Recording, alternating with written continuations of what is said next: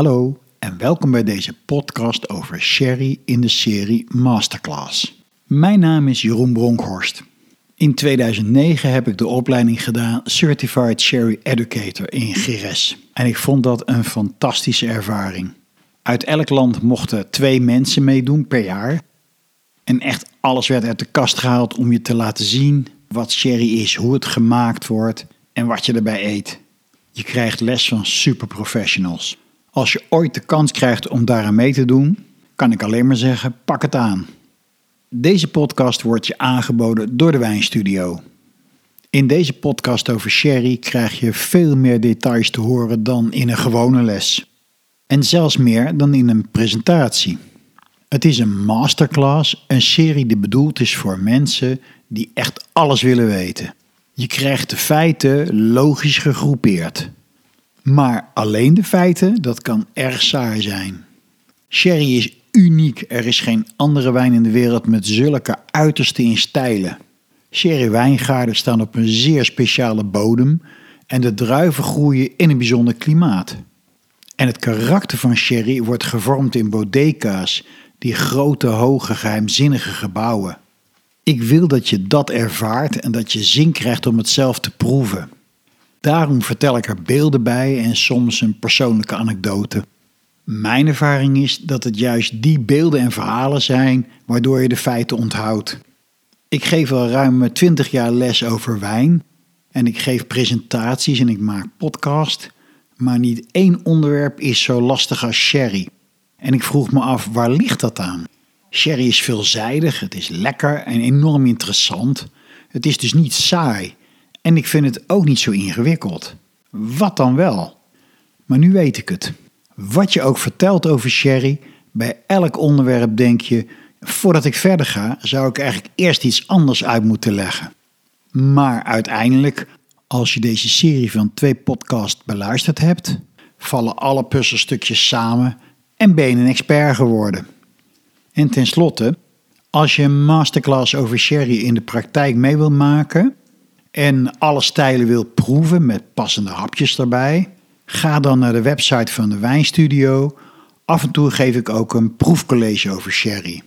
En zou je dat voor een gezelschap willen regelen, stuur dan een mailtje aan jeroen.wijnstudio.nl. Wat gaan we in deze podcast horen? We starten met de wijnregio Gires, het klimaat en de historie. Dan gaan we verder met de verschillende wijnstijlen van sherry. En ik ga daarbij ook uitgebreid in op het verschijnsel flor.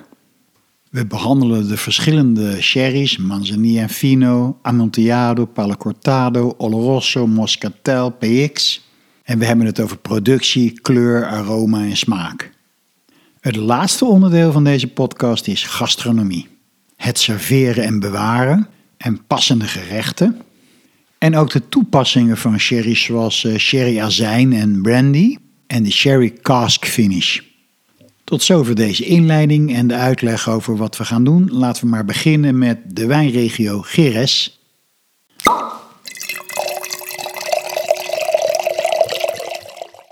Stel je voor, het is zomer en je wilt nu echt eens wat meer over sherry weten. Het is een behoorlijk end weg, helemaal in het eh, uiterste zuiden van Spanje, in de autonome regio Andalusia, met het grootste inwonersaantal van Spanje.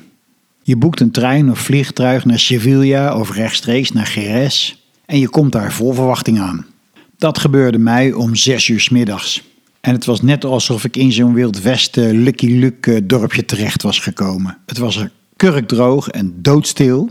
De zon scheen voor mijn gevoel loodrecht naar beneden. En er was werkelijk helemaal niks, geen kip op straat, hoogstens een hagedis. Alle luiken waren dicht en uh, alles is van tralies voorzien. Kortom, niet gezellig en ook niet welkom. Om zeven uur was er nog steeds niks. Om acht uur, hetzelfde verhaal. Om negen uur begon er een beetje gerommel te ontstaan. Hier en daar ging een deur open. Maar om tien uur barstte het los. Het hele dorp kwam naar buiten.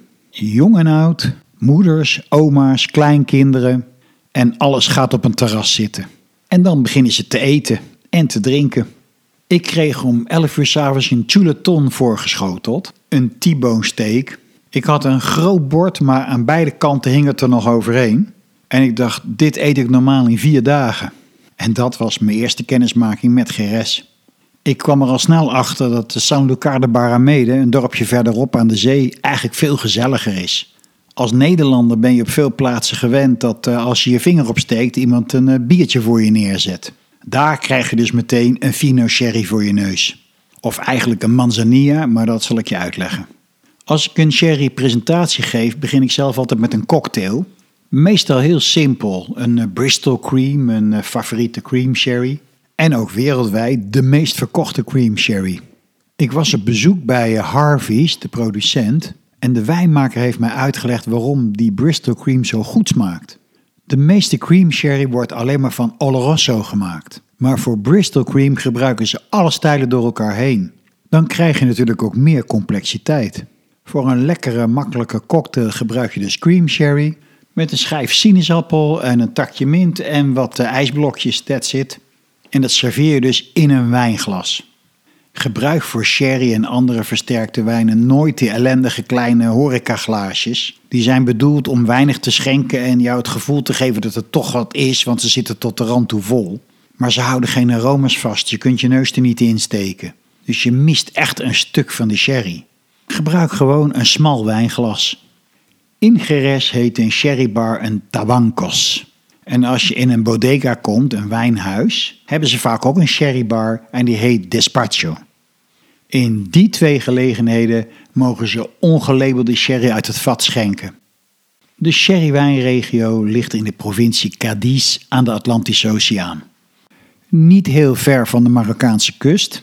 Geres ligt op 36 graden noorderbreedte en zoals je waarschijnlijk wel weet, bij 30 graden houdt het zo'n beetje op. Er wordt vaak gesproken over de Sherry driehoek. Mocht je een kaart bij de hand hebben, dan zou ik zeker even gaan kijken. Of kijk er achteraf nog eens even naar. Die driehoek wordt gevormd door in het noorden aan de zee San Lucar de Barrameda, een stukje meer naar het zuiden en het oosten in het binnenland Geres en weer wat verder naar het zuiden aan de zee El Puerto de Santa Maria. Die driehoek symboliseert het hart van de Geres van de sherry maar het hele productiegebied is veel groter. In totaal is er 7000 hectare wijnbouw. En er is een productiezone waarin je wijn mag maken en wijn mag rijpen. Vroeger mocht dat rijpen alleen geschieden in een paar voorgeschreven dorpen, maar sinds 2021 mag het in een heleboel dorpen, zolang ze in die zone liggen. En die dorpen zijn van noord naar zuid Lebriga, Trebugena, San Lucar de Barrameda, Chiplona, Jerez de la Frontera, Rota, El Puerto de Santa Maria, Puerto Real en Chiclana de la Frontera. Het noorden van dit gebied wordt begrensd door een grote rivier, de Guadalquivir, en de zuidgrens is de rivier de Guadalate. Het is een eh, bijzonder klimaat daar in Andalusië. De zon schijnt daar een jaloersmakende 300 dagen per jaar. Er zijn dan ook gemiddeld meer dan 3000 zonuren per jaar. En Sevilla is de warmste stad van Spanje. Dat is natuurlijk niet alleen maar een feestje, want in de zomer is het bloedverzengend heet, tot vaak wel 40 graden. Maar in de winter is het mild, op zijn koudste een graad of 10. Er valt 600 mm regen per jaar en dat is net genoeg voor druiven. En even vooruitlopend op het onderwerp de bodem. Dankzij die kalkbodem wordt al dat regenwater vastgehouden. Op een zandbodem zou het meeste gewoon door verdamping verloren gaan. Er zijn twee bekende winden. Vanuit het westen, vanaf de Atlantische Oceaan, heb je de Poniente. Zeer welkom voor mens, plant en dier, want die geeft verkoeling en regen. Vanuit het oosten komt de Levante, wat oosten betekent, en dat is een niet populaire, zeer droge, hete lucht die afkomstig is van de Sahara. Als de Levante waait, doet iedereen zijn deuren en zijn ramen dicht en dan wacht je tot het voorbij is. Maar als de Poniente waait, gebeurt er iets heel bijzonders. In de bodega's en in alle huizen gaan de deuren en ramen wagenwijd open en er kan in een korte tijd verschrikkelijk veel water vallen. Zoveel dat alles overstroomt. Toen ik een keer in Geres was, gebeurde dat dus ook in de bodega. Maar dat vonden ze geen probleem. Nee, dat was zeer gewenst. Sterker nog, alles was erop ingericht. De bodem is een albero, wat zoveel betekent als een gravelbodem. En die neemt dat water heel graag op. En dat zorgt voor verkoeling en vochtigheid in de bodega. Hoe is die sherry eigenlijk daar in Geres terechtgekomen? Hoe is dit gebied ontstaan? Al in 1100 voor Christus waren er Phoeniciërs en die hebben druiven geplant in wat nu Geres heet. 500 voor Christus kwamen de Grieken eraan en die brachten amphora's, die mooie aardewerken potten met zo'n smalle punt onderaan, waarin de wijn bewaard en getransporteerd en verhandeld kon worden. Ze noemden die plaats Xera. In 200 voor Christus kwamen de Romeinen binnen en die noemden die plaats Seret met een C. Zoals je waarschijnlijk wel weet, heeft het Romeinse Rijk heel lang stand gehouden. Maar in 711 na Christus kwamen de Moren en die bleven tot 1492. En de laatste en meest noordelijke stad waar hun gebied eindigde, noemden ze Xeres. En de Spanjaarden zeiden Xeres de la Frontera, want daar was de grens tussen het Moorse Rijk en de christenen. Moslims mochten toen al geen wijn drinken, maar ze mochten wel druiven houden om uh, rozijnen van te maken. En het grappige is, ze mochten zelfs alcohol maken als basis voor parfum en voor medicijnen. En uh, zoals overal in de wereld toen uh, gebruikelijk was, was er een uitzondering voor de elite. Mensen aan de top konden toch gewoon lekker wijn drinken. Al in de 12e eeuw kwamen de Britten erbij en die noemden dit gebied sherry's. Ze kwamen met grote schepen aan en ze ruilden Engelse wol voor Spaanse wijn. In de 15e eeuw, in 1492, tegelijk met het vertrek van de Moren uit Zuid-Spanje, werd Amerika ontdekt. En de Spanjaarden richtten een verbond op, de Casa de Contratación. De internationale scheepvaart kwam enorm op gang in die tijd en er was een grote vraag uit Engeland en Nederland naar sherry. En ook naar Hollandas, een ander woord voor brandy, gedistilleerde wijn. Engelsen waren de belangrijkste kopers, maar er was natuurlijk ook af en toe een oorlog met Engeland. En in de 16e eeuw, in 1587, was Sir Francis Drake naar de zuidelijke havenstad Cadiz gevaren, waar hij de Spaanse vloot in de pan hakte. Hij had meteen ook 3000 vaten sherry buitgemaakt. Dat nam hij mee terug naar Engeland en het was een groot feest natuurlijk. En de grap is, hij had de Spanjaarden geen groter cadeau kunnen geven, want vanaf dat moment werd sherry waanzinnig populair in Engeland. Eerst aan het hof, maar die gewoontes sijpelen altijd door naar beneden. Shakespeare, die leefde van 1564 tot 1616, heeft in zijn verhalen maar liefst 40 keer vermelding gemaakt van sec, een ander woord voor sherry. En hij laat John Falstaff, een van zijn personages, zeggen: If I had a thousand sons, the first human principle I would teach them should be to forswear thin potations and to addict themselves to sack. Best een goede reclame zou ik zeggen. Nederland is na Spanje en Engeland de grootste afnemer van sherry. En daar gaat ook een geschiedenis aan vooraf. En dat zal je misschien verbazen. In de jaren 60 en 70 was er in Nederland het sherry-dieet. Dat was eigenlijk een driedaagse kuur om af te vallen.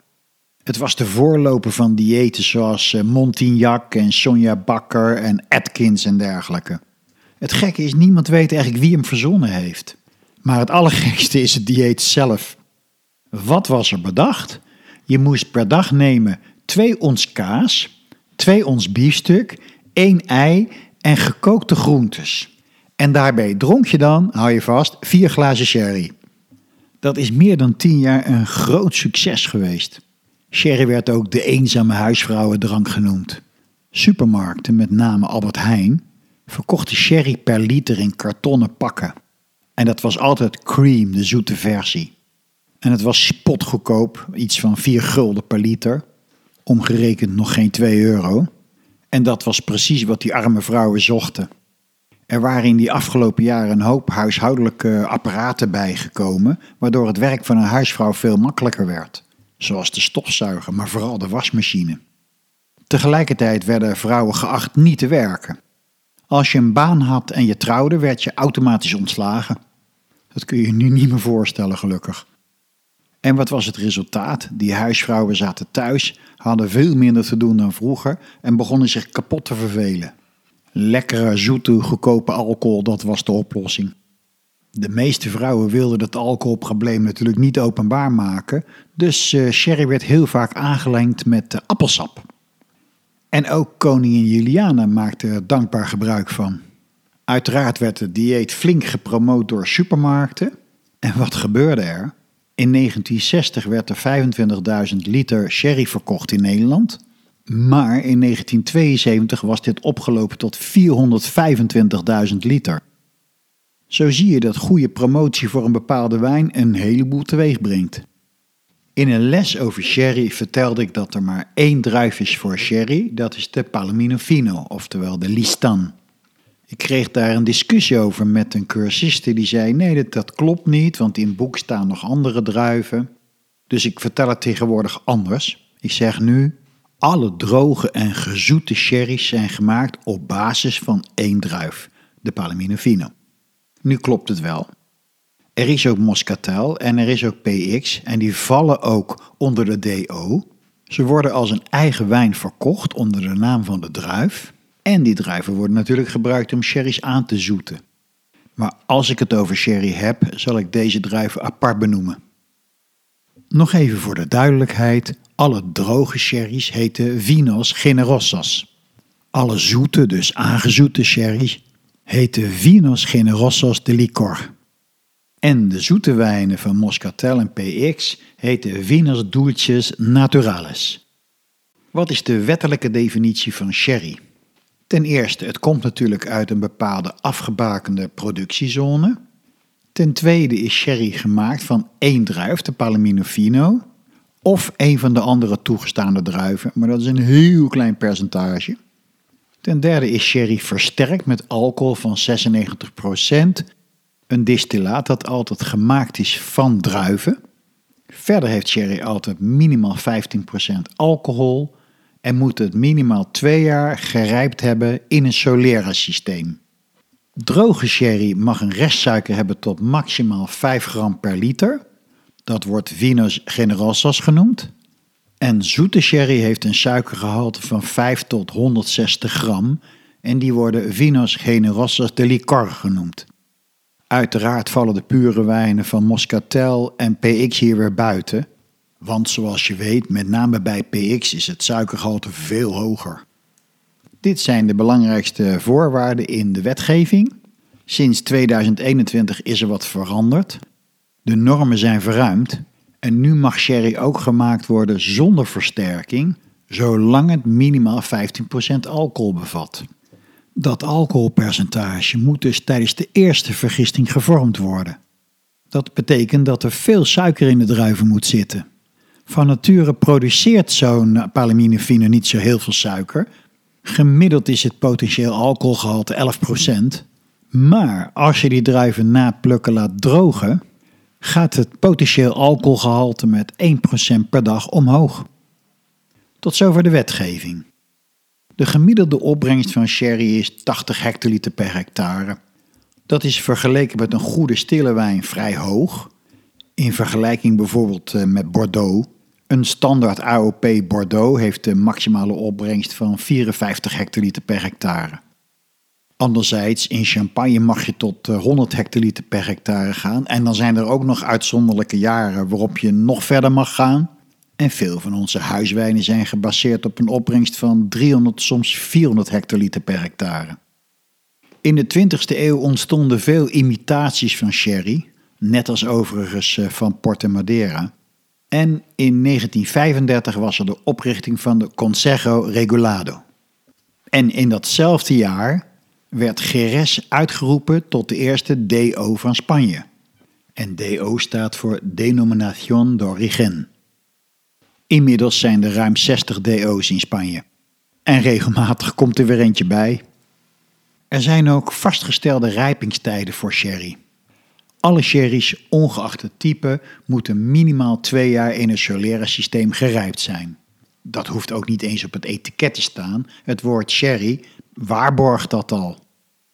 En dan mag je op de etiketten de volgende leeftijden zetten. 12 jaar, 15 jaar, 20 jaar en 30 jaar. In plaats van 20 jaar mag je schrijven VOS En in plaats van 30 jaar mag je schrijven VORS. En wat betekent dat?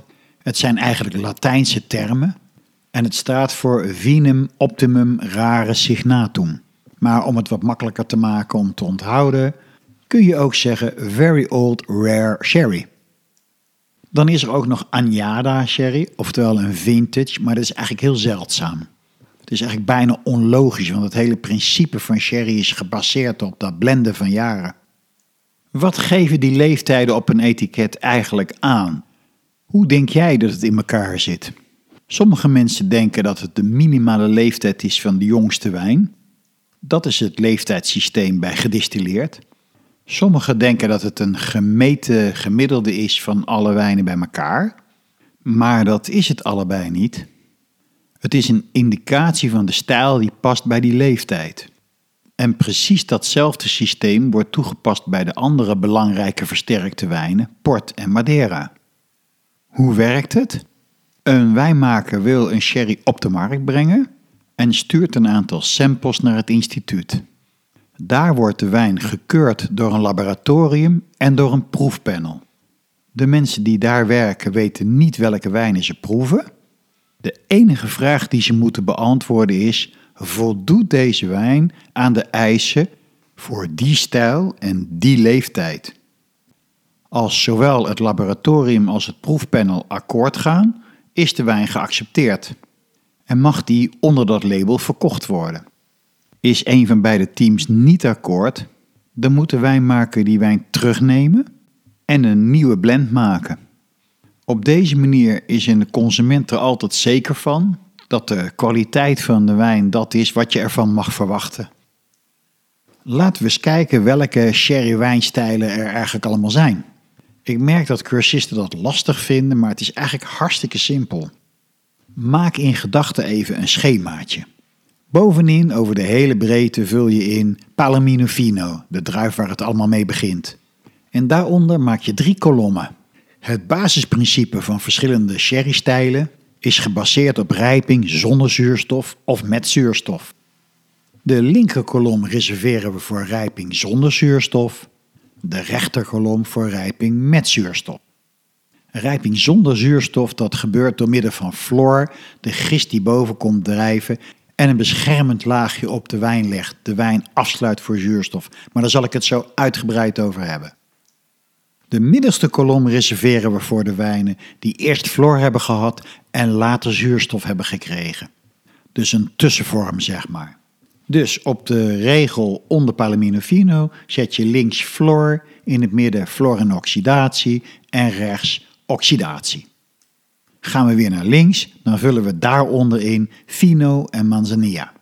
Helemaal rechts onder oxidatie vullen we in Oloroso en in het midden vullen we in Amontillado en Palo Cortado. En dat zijn eigenlijk alle stijlen die er zijn. Het enige wat je nu nog hebt is het aanzoeten. Dus daaronder vul je weer in hoe je het aanzoet. En links begin je met RCGM, Rectified Concentrated Grape Must. Dat betekent gezuiverde geconcentreerde druivenmost. Dat is kleurloos en dat heb je nodig als je die fino zoet wil maken, wil je toch die bleke kleur houden. In de middenkolom en in de rechterkolom vul je in PX en Moscatel. En dan komen we in de laatste rij terecht, de gezoete sherry's. En helemaal links, hè, wat begon met fino, eindig je met pale cream. Helemaal rechts heb je de cream en in het midden heb je de medium. Nou, dat is alles. Als je het niet helemaal snapt, eh, spoel even terug. Luister nog één keer. Ik denk dat je het hierna nooit meer vergeet. Dan kunnen we het nu hebben over misschien wel het meest bijzondere aspect van sherry. En dat is de vorming van flor. Flor is het Spaanse woord voor bloem. Het is een wit-grijze laag gist die in een vat op de wijn drijft. Het is gewoon dezelfde gist als voor elke andere wijn, de Saccharomyces cerevisiae. En dat is overigens ook de gist waar brood en pils van gemaakt wordt. Alleen zijn er speciale onderculturen van de Saccharomyces cerevisiae die verantwoordelijk zijn voor de flor. De belangrijkste, 76% daarvan, is de Saccharomyces cerevisiae beticus. Dat is een hele actieve gist die in 15 dagen tijd Floor produceert. Daarna neemt de Monteliensis het over, die zorgt voor 17% van de Floor. Dan komt de Gericiensis, goed voor 6% van de Floor. En helemaal op het eind komt de Ruxii, verantwoordelijk voor 1% van de Floor, verreweg de langzaamste. Hij doet er 30 dagen over om Floor te vormen en hij vormt ook de meeste acetaldehyde, een voorstadium van azijn. Hoe ontstaat die Floor eigenlijk? De wijn vergist, op een gegeven moment is de meeste suiker op. De gist wordt dus niet meer gevoed en sterft af en zakt naar beneden. Dat zie je altijd als een bezinksel liggen. Dat heet in het Frans lie. En een wijn die op zijn bezinksel rijpt, zoals champagne, ligt sur lie. En in het Engels heet dit gistbezinksel lees. Dat gebeurt bij sherry ook, maar nu komen die speciale ondersoorten tevoorschijn van die koppige, temperamentvolle Zuid-Spanjaarden. En die zeggen: Ik doe er niet aan mee. En die gaan bovenop de wijn drijven. En die voeden zich daar met de wijn, voornamelijk de alcohol en de glycerine. Glycerine is ook een vorm van omgezette suiker. En dat geeft vooral body aan een wijn en een klein beetje zoetigheid. Aangezien die Floor die glycerine totaal opeet, heb je ook meteen de verklaring waarom sherry altijd zo knetterdroog is. Die Floor heeft ook die zuurstof nodig boven in het vat. En bij alle sherry's zijn de vaten twee vuisten dik, niet gevuld met wijn, maar met lucht. De vergisting zelf is een anaeroop proces. Dat wil zeggen dat proces van omzetting door de gisten, van suiker naar alcohol en koolzuur. Daarvoor hebben de gisten geen zuurstof nodig. Maar waar ze wel zuurstof voor nodig hebben, is de voorplanting. Ze moeten zich kunnen blijven vermenigvuldigen. Het ontstaan van floor is uniek. Er zijn maar een paar plaatsen in de wereld waar dat spontaan gebeurt. En de belangrijkste zijn Gires en de Jura met de bekende vin jaune. Op diverse plaatsen proberen mensen dat na te maken, met name natuurlijk in Amerika. Maar dat lukt niet. Het is iets van de natuur. Wat de wijnmakers in Gires wel weten, door honderden jaren ervaring, is wat die floor nodig heeft om optimaal te leven. En dat is een alcoholgehalte tussen 15 en 16 procent. De juiste temperatuur, bij voorkeur een graad of 18. De juiste vochtigheid, bij voorkeur zo'n 70 procent. Heel veel zuurstof. En voeding met jonge wijnen. En dit kan allemaal zo perfect gerealiseerd worden in het Solera-systeem. Die stapels van vaten waarin wijnen alsmaar met elkaar geblend worden. Wat doet fluor? Het produceert acetaldehyde, dat is een afbraak van alcohol en eigenlijk een voorstadium van azijn.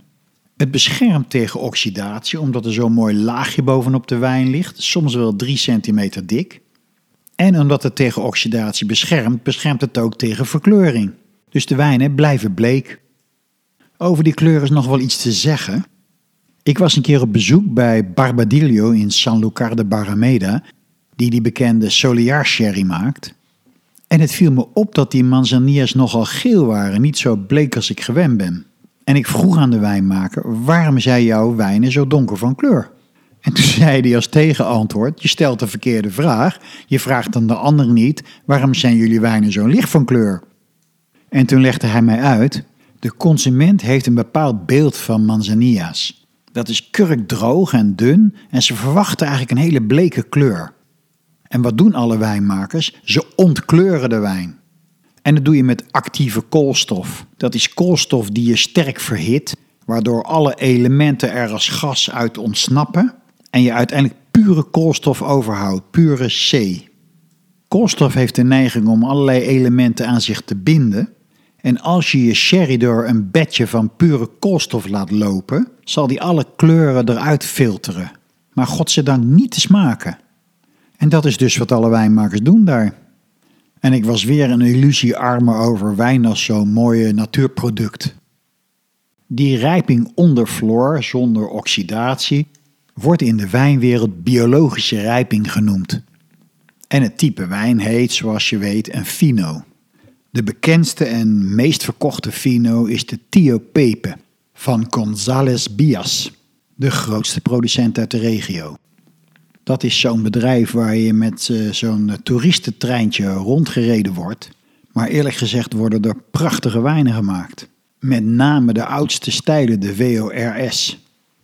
Tot voor kort mochten vino's maar gerijpt worden op een paar plaatsen. Maar sinds 2021 mag het in een heleboel dorpjes, zolang dat maar in de productiezone is. Maar als de vino uit San Lucar de Barrameda komt aan de zee, waar de omstandigheden voor de floor veel gunstiger zijn, waar de floor veel dikker wordt en de smaak nog meer uitgesproken en vooral nog zilter, alleen daar in San Lucar de Barrameda heet vino manzanilla. En dat woord verwijst naar kamille, wat je zeker ruikt. En het verwijst ook naar appel, manza. Ik vind zelf vino's altijd erg naar gedroogde appeltjes ruiken. Appeltjes die dreigen over de kop te gaan. Wat komt er nog meer bij kijken om een vino of een manzanilla te produceren? Ten eerste, die most moet de hoogste kwaliteit zijn. Heel zuiver, heel schoon. Voor vino en manzanilla mag je uitsluitend de eerste persing gebruiken. Indien een wijnmaker de kwaliteit van de most niet geschikt vindt voor vino, gaat die gebruikt worden voor een geoxideerde wijn. In een geoxideerde wijn kun je net een wat ruwere kwaliteit permitteren. Dat is overigens wel grappig, dat is vergelijkbaar met bier. Ik leerde dat het moeilijkste bier om te maken pils is. Omdat je daar alles in proeft, elke onzuiverheid. En eigenlijk geldt dat ook voor champagne. In alle vaten van de vino ligt er dus een laagje floor op de wijn. Een wijnmaker houdt dat twee jaar in stand en in principe kan die dan die vino gaan bottelen. Maar goede wijnmakers verstaan de kunst om het nog veel langer vol te houden, sommigen zelfs tot 10 jaar. En dan kun je een Fino en Rama produceren, een van mijn favoriete wijnen. Fino en Rama is ongefilterd, niet geklaard en heeft geen koude stabilisatie ondergaan. Oftewel, het komt gewoon ruw uit het vat, na 10 jaar rijping. Je kunt het dan nog een half jaar in een fles bewaren en dan begint het achteruit te lopen. Als je Fino en Rama koopt, kijk ook vooral op de botteldatum. Dat staat op de fles. Koop hem vers. Dan is er ook nog Finum Antico of Manzanilla Passada en die zijn minimaal 7 jaar gerijpt onder de floor.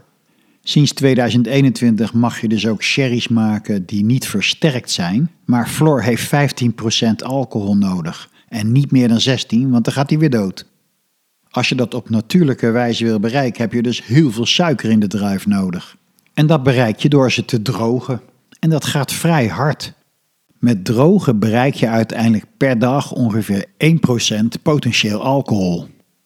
Dit zou het moment in de presentatie zijn om een Fino en Manzanilla te gaan proeven. Als je in de gelegenheid bent, moet je dat zeker gaan doen. Maar nu lukt dat waarschijnlijk niet. Dus ik zal het voor je doen en ik zal je vertellen wat je tegenkomt. Om te beginnen is het nu heel handig om van de aromacirkel gebruik te maken. Als je naar de website van de wijnstudio gaat en je scrolt op de homepage helemaal naar onder, zie je staan aromacirkel. Als je daarop klikt, zie je allemaal aromacirkels. Algemene voor de level 1, 2 en 3 en aromacirkels voor versterkte wijnen zoals sherry. Je kunt die gratis en onbeperkt downloaden. Hoe is het aromaprofiel van sherry's opgebouwd? Boven in de cirkel staat gedroogd fruit, zoals papaya en rozijnen en vijgen. Dan ga je naar vers fruit, met name sinaasappelschil, groene appel en kweepeer. Het volgende vak zijn de bloemen en de vegetale tonen, zoals kamille en truffel en ook roggebrood. Dat laatste is typisch voor Oloroso. Dan is er een vak met geroosterde noten, walnoot, hazelnoot en amandel. Een onderdeel zijn ook de getooste en de zoete tonen, zoet als karamel en stroop en honing, en getoost als koffie en kokos en tabak.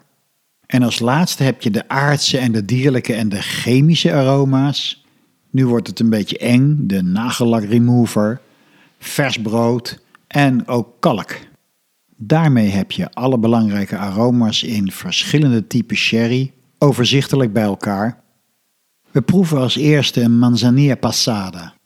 Wijnmakers leveren aan professionals altijd de technische gegevens aan. Dat wordt in het Frans fiche technique genoemd.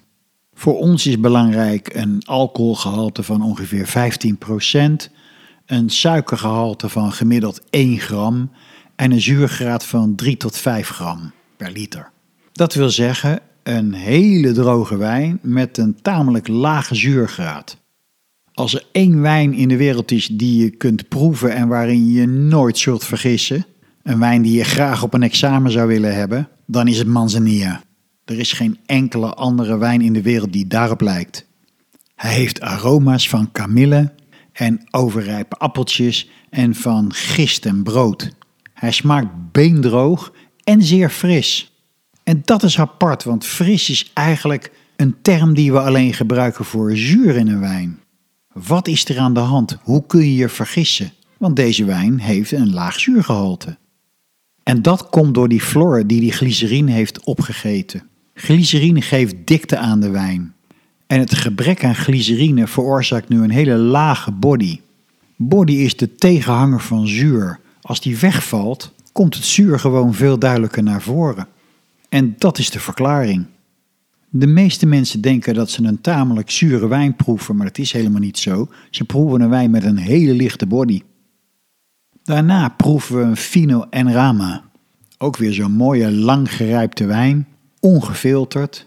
Technisch gezien hetzelfde, een alcoholgehalte van gemiddeld 15%, een suikergehalte van 1 gram en een zuurgraad van 3 tot 5 gram. Hij smaakt ook naar appeltjes, maar hij is wat bloemiger. Deze wijn komt niet uit San Lucar de Barrameda en overal elders is het iets warmer en iets droger. Dat bevalt de floor net wat minder. Die blijft dus dunner en heeft minder invloed op de wijn. De floor heeft dus minder glycerine gegeten en daardoor heeft de wijn wat meer body. Hij komt daardoor net wat minder droog over. En omdat het wat warmer is, is de druif iets rijper en dan toont hij toch wat meer dat florale karakter, bloemetjes dus, wat een palomino van nature heeft. Manzanilla is strak en extreem. Een fino is dat feitelijk ook, maar net wat vriendelijker, wat ronder en zachter. Hoe zit dat gastronomisch? Waar past dit bij? In Geres hebben ze daar een prachtige spreuk voor bedacht, waardoor het heel makkelijk kan onthouden. En die gaat als volgt. Als het zwemt, fino en manzanilla. Als het vliegt, Amontillado en Palo Cortado. Als het rent, Oloroso. Bij dessert, cream en Pedro Jiménez. Wat me daarin opvalt is dat Spanjaarden blijkbaar uitgaan van vlees, een hoop vlees. Maar de leidraad is goed. Als het zwemt, fino en manzanilla, ja dat klopt. Bij een manzanilla doen vooral die zoute visjes het heel erg goed, zoals anchovies en sardientjes, maar ook garnalen en tonijn. Het scherpe van knoflook past ook goed. En een uitzonderlijk mooie combinatie is de Iberico ham. Het zout van die ham versmelt met het zilte van de manzanilla. Bij ieder sherrytype past overigens een bepaald soort noot. Bij Fino en Manzanilla is amandel een prachtige combinatie, vooral als je die amandel geroosterd hebt. Bij de sherry's die half biologisch en half geoxideerd opgevoed zijn, dus de Amontillado en de Palo Cortado, zijn hazelnoten de perfecte match. En bij die puur geoxideerde sherry, dus Oloroso, met zijn volle rijpe tonen, passen walnoten. Nog even over de Fino. Heel bekend is de combinatie met haring. Ook olijven doen het goed. En erg lekker is ceviche. Dat zijn dunne plakjes vis die koud gegaard zijn in zuur. Meestal eh, limoensap. Een manzanilla bij de ceviche maakt het allemaal net wat te scherp. Maar fino is ietsje milder en dat maakt het een prachtige combinatie. Dan proeven we de Amontillado. De fischtechniek zegt een alcoholgehalte van 17%, suiker van maximaal 5 gram en een zuurgraad van 3 tot 5 gram. Dus iets meer alcohol en duidelijk wat zoeter. Amontillado is een mooie gebalanceerde wijn. Het heeft niet die uiterste van een Fino of van een Oloroso. De eerste smaak waar je aan denkt is hazelnoten. Het is rond en mild en heeft vaak iets van zeste, de schil van een sinaasappel. Wat gaat er gastronomisch goed bij? Nou, in de eerste plaats weer die hazelnoten. Verder zeggen de Spanjaarden als het vliegt. En dat klopt natuurlijk weer. Gebraden kip en één doen het ontzettend goed. En ik vind ook alles wat op de huid gebakken is en zalm. Dan proeven we meteen ook de Pale Cortado, want dat lijkt er wel op. Wat is nu eigenlijk het verschil? Een Amontillado is altijd bewust gemaakt. Het begon als een biologisch gerijpte wijn, dus zonder floor. En na een aantal maanden of een half jaar besluit de wijnmaker om die floor te stoppen, zodat die wijn het tweede deel van zijn leven geoxideerd verder gaat. En de eenvoudigste manier om dat te doen is het alcoholgehalte op 17% brengen. Boven de 16% sterft de floor af. Bij een Pale Cortado heeft die floorperiode wat korter geduurd en vaak is die spontaan verdwenen. En dit is wel een leuk moment om iets te zeggen over de krijtstreepjes op al die wijnvaten. Als je in een bodega komt, zie je al die zwarte wijnvaten vol met teksten staan. En tekens, een beetje geheimzinnig. En formules. Allemaal met krijt erop gezet. Al die teksten gaan over wat er in dat vat zit. En de pijlen op die vaten wijzen naar andere vaten waar hetzelfde in zit. Als een wijnmaker besluit dat een vat wijn een Oloroso wordt, zet hij gewoon een O erop. Met een schuin streepje erdoor. Als het een Amontillado wordt, zet hij een eh, rondje met een A. Een fino is eenvoudig één schuin streepje. Maar heel apart is het teken voor Palo Cortado. Dat begon dus als een fino, dus een schuin streepje. En nu zie je er een horizontaal streepje doorheen staan. En wat betekent Palo Cortado? Dat betekent letterlijk het gebroken stokje of het gebroken streepje. En dat zie je aan dit teken. Palo Cortado is vaak wel de meest complexe van alle sherry's. Met name de 30 jaar oude, de VORS, kan fantastisch zijn. De Fiche techniek zegt alcoholgehalte gemiddeld 17%, suiker maximaal 5 gram en een zuurgraad van 3 tot 5 gram per liter. Precies hetzelfde als een Amontillado. Hij smaakt complex, hij is mooi in balans, hij is zacht, hij heeft ook zesten en ik vind dat hij vaak ook iets boterachtigs heeft. Gastronomisch vind ik hem enorm goed inzetbaar. En als jij eh, sommelier bent, of je gaat thuis eens lekker koken, probeer het eens uit. Hij doet het goed bij extra belegen en oude kaas. Hij doet het heel goed bij Aziatische gerechten met specerij, met peper. En hij doet het goed met tropisch fruit. Bekend is de combinatie met eend en met varkensvlees. Maar mijn favoriet, dat zal ik je vertellen. We waren met een groepje mensen bezig om een film op te nemen over wijn die in China uitgebracht zou worden. En we werden door de Chinese opdrachtgever uitgenodigd om in het restaurant van zijn familie te komen eten. Hij zei: Ik ga een hele lekkere Chinese specialiteit laten maken. En dat is speenbig. Het vlees wordt dan heel lang gegaard tot het heel zacht is, maar nog steeds rood. De huid is er van tevoren afgesneden. Die wordt gelakt en uh, gebakken of geroosterd. En in vierkantjes gesneden en uiteindelijk weer teruggelegd. Hij vroeg aan ons: neem allemaal je favoriete wijn mee voor dit wijngerecht. Maar, zei hij, Jeroen, ik weet dat jij van sherry houdt, alsjeblieft niet die vieze sherry. Nou, iedereen nam natuurlijk zijn favoriete wijn mee. En ik nam natuurlijk gewoon lekker Pale Cortado mee. VORS, 30 jaar oud. Het smaakte ons fantastisch, de wijnen waren lekker. En aan het einde van de rit vroeg hij aan iedereen: wat vonden jullie nou de beste combinatie? En je voelt hem natuurlijk al aankomen. Iedereen zei de Pale Cortado. En ik zet die wijn nog steeds in bij alles wat knapperig is. En dan proeven we nog één wijn, dat is natuurlijk de Oloroso. De fiche techniek, het wordt een beetje saai. Alcoholgehalte 17%, suiker max 5 gram. Alleen de zuurgraad is ietsje hoger, 4 tot 6 gram. Dat levert nog niet echt duidelijk een ander profiel op. Maar dan de aroma's en smaak een wereld van verschil. Alles in een Oloroso smaakt gerijpt. Het meest opvallende aroma is walnoten, dat typische oxidatiearoma. En ik herken het ook altijd aan de geur van roggebrood. Verder is heel opvallend vijgen en dadels en ook leer. Gastronomisch ga je nu op zoek naar dingen die ook gerijpt zijn. Als je aan vlees denkt, denk je niet meer aan een biefstuk, maar veel meer aan stoofvlees. De noot die past is natuurlijk walnoten. Maar ik vind het ook heel typisch de wijn voor paddenstoelen. En ook oude kaas, roomsauzen. Gehakt doet het goed en de klassieke combinatie is konijn. Maar de meest bekende toepassing van Oloroso is in de bouillon. Een mooie, sterk getrokken rundebouillon.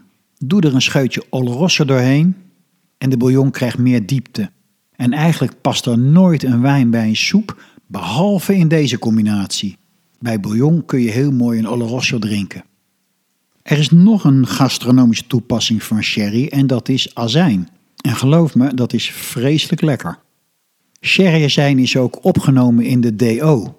Het mag alleen gemaakt worden van Palomino Fino, Moscatel en PX. De stijlen kunnen droog, half zoet of zoet zijn. En net als sherry gaat het in een Solera systeem. Het wordt geblend. Sherryazijn heeft minimaal 6 maanden rijping, een Reserva 2 tot 10 jaar en een Grand Reserva meer dan 10 jaar.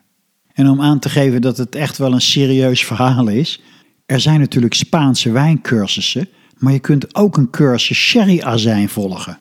Die heet Advanced, die duurt maar liefst 10 uur en het wordt afgesloten met een diploma. Van sherrydruiven kun je natuurlijk ook brandy maken, oftewel brandewijn in het Nederlands. En vroeger werd dit distillaat ook Hollanda genoemd. Nederland is altijd de grootste handelaar daarin geweest. Sherry brandy kun je op twee manieren maken. In een column still, dat is een continu proces. En de brandy die eruit komt heeft een alcoholgehalte van 70 tot 96 procent. Het levert een hele schone, zuivere stijl op. Maar sherry brandy wordt ook gedistilleerd in een potstil. Dat zijn die mooie ronde koperen ketels. Die moet je vullen, stoken, weer leegmaken, schoonmaken en weer opnieuw vullen. En elke vulling noem je in het Engels een batch, een portie. Potstil geeft minder zuivere resultaten, maar gek genoeg, dat maakt het juist mooier en interessanter. De allerbeste distillaten in de wereld worden allemaal in potstils gemaakt. Sherry brandy wordt gerijpt in vaten van 500 liter van Amerikaans eikenhout. Meestal was dat vat eerst in gebruik als sherryvat en dat geeft veel mooie aroma's aan die brandy. En heel bijzonder, ook brandy gaat door een Solera systeem, dus een blend van vaten. Een standaard brandy de Jerez Solera heeft 6 maanden rijping. Een brandy de Jerez Solera Reserva heeft een jaar rijping. En een brandy de Jerez Solera Grand Reserva heeft minimaal 3 jaar rijping, maar vaak ook veel langer. Sherry wordt ook gebruikt als smaakmaker in gedistilleerde dranken, de zogenaamde sherry cask finish. Kijk maar eens naar een fles whisky of cognac of rum. De betere kwaliteit van die dranken wordt vaak in de laatste paar maanden gerijpt op oude vaten van versterkte wijnen, zoals sherry, port en madeira. En dat vond ik heel leuk om te ontdekken. Whisky, cognac en rum aan de ene kant en sherry, port en madeira aan de andere kant houden van elkaars aroma's. De vaten worden heel veel uitgewisseld. Een sherrymaker kan na 20 of 30 jaar zijn first verkopen voor een veel hogere prijs dan waar hij het voor inkocht aan een eh, whiskymaker. Maar de grote grap is, die whiskymaker kan na 20 jaar ook weer besluiten om zo'n vat te verkopen, bijvoorbeeld aan een sherrymaker. Vanuit de horeca komen vaak vragen over het serveren en bewaren van sherry. Daar wil ik kort iets over zeggen. Fino en Manzanilla zijn sherry's die niet oxidatief gemaakt zijn. Je kunt je dus voorstellen als die fles open gaat dat ze niet lang houdbaar zijn. Ik neem alleen een Fino of Manzanilla in een restaurant als ze me de fles laten zien en als ze hem nog moeten openen. Want vaak is die al te lang geopend. Een week is de max. De gesloten fles kun je wel een jaar bewaren. Voor alle andere sherry's geldt, de gesloten fles kun je wel 2 tot 3 jaar bewaren. En aangezien ze allemaal oxidatief zijn opgevoed, blijven ze na opening en blootstelling aan zuurstof nog wel een maand of twee goed. Ze waren het al gewend.